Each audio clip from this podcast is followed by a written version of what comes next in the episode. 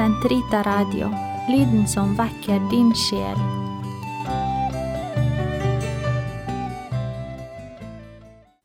Den katolske kirkes katekisme, uke 43, onsdag 8.39 til 8.48. Kirken og de ikke-kristne. Endelig er det alle dem som ennå ikke har mottatt evangeliet, for også de er på forskjellige måter rettet mot Guds folk. Forholdet mellom Kirken og det jødiske folk. Kirken, Guds folk i den nye pakt, blir ved å fordype seg i sitt eget mysterium klar over de bånd som binder den til det jødiske folk, det folk Gud først talte til. Til forskjell fra andre ikke-kristne religioner er den jødiske tro allerede svar på Guds åpenbaring i den gamle pakt. Det jødiske folk tilhører barneretten og Guds herlighets nærvær. Deres er pakten og loven, gudstjenesten og løftene. Patriarkene er deres fedre, og av deres kjøtt og blod var det Kristus ble født. Romerne 9, 4-5. For Guds kall og Guds gave tas ikke tilbake. Romerne 11, 29. Dersom man ser på fremtiden, er dessuten Guds folk fra den gamle pakt og det nye Guds folk rettet mot lignende mål, nemlig forventningen om Messias komme eller gjenkomst. Men på den ene side ventes den døde og oppstandende Messias gjenkomst, anerkjent som Herre og Guds sønn. På den annen side ventes Messias komme ved tidenes ende en Messias med utydelige trekk, en forventning som ledsages av den tragedie at Kristus Jesus ble miskjent eller ikke ble gjenkjent.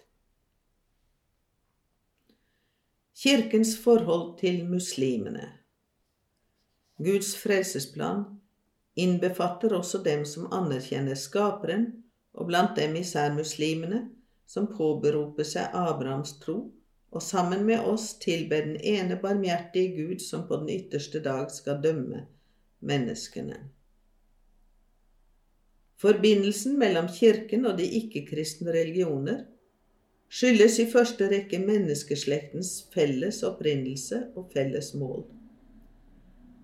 Alle folkeslag utgjør jo ett fellesskap. De har én felles opprinnelse i det Gud lot menneskeslekten befolke hele jorden.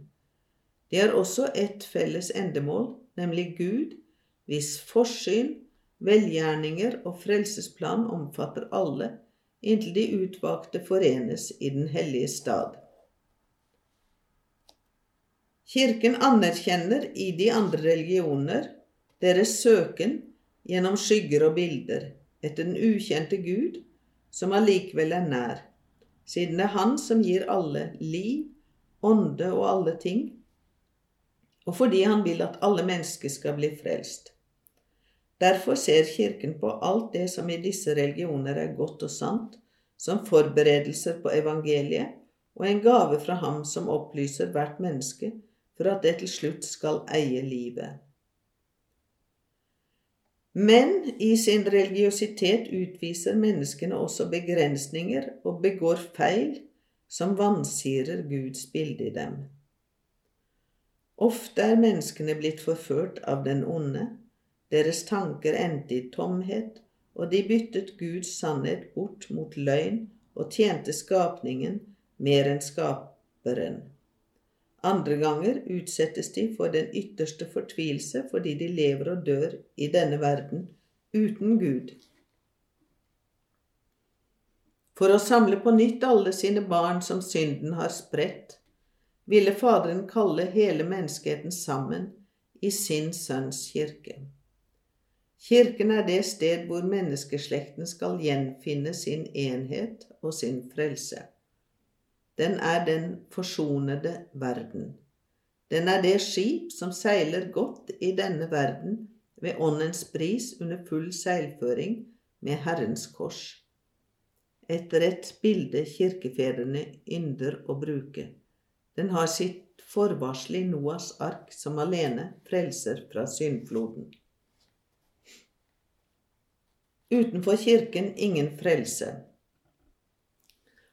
Hvordan skal man forstå denne påstanden som kirkefedrene så ofte gjentar? Positivt uttrykt betyr den at all frelse kommer fra Kristus hode gjennom kirken som er hans legeme. Med støtte i Den hellige skrift og i tradisjonen lærer Kirkemøtet at Kirken, i den skikkelse den vandrer i her på jorden, er nødvendig for frelsen. For Kristus alene er mellommannen og veien til frelse, og han blir nærværende for oss i sitt legeme, som er Kirken. Ved uttrykkelig å påpeke nødvendigheten av troen og dåpen har han samtidig fastslått Kirkens nødvendighet, for gjennom dåpen trer menneskene inn i Kirken som gjennom en port. Derfor skulle de mennesker ikke kunne frelses som, til tross for sin viten om at den katolske kirke er grunnlagt av Gud ved Jesus Kristus som nødvendig, allikevel har nektet å tre inn i den eller å vedbli i den. Det utsagnet angår ikke dem som, uten at det kan være tale om feil fra deres side, er uvitende om Kristus og Hans kirke. For dem som uforskyldt er uten kunnskap om Kristi evangelium og Hans kirke, men som ikke desto mindre søker Gud av et oppriktig hjerte og under nådens innskytelse prøver å leve etter Hans vilje slik de erkjenner den ved sin samvittighet, kan nå frem til den evige frelse.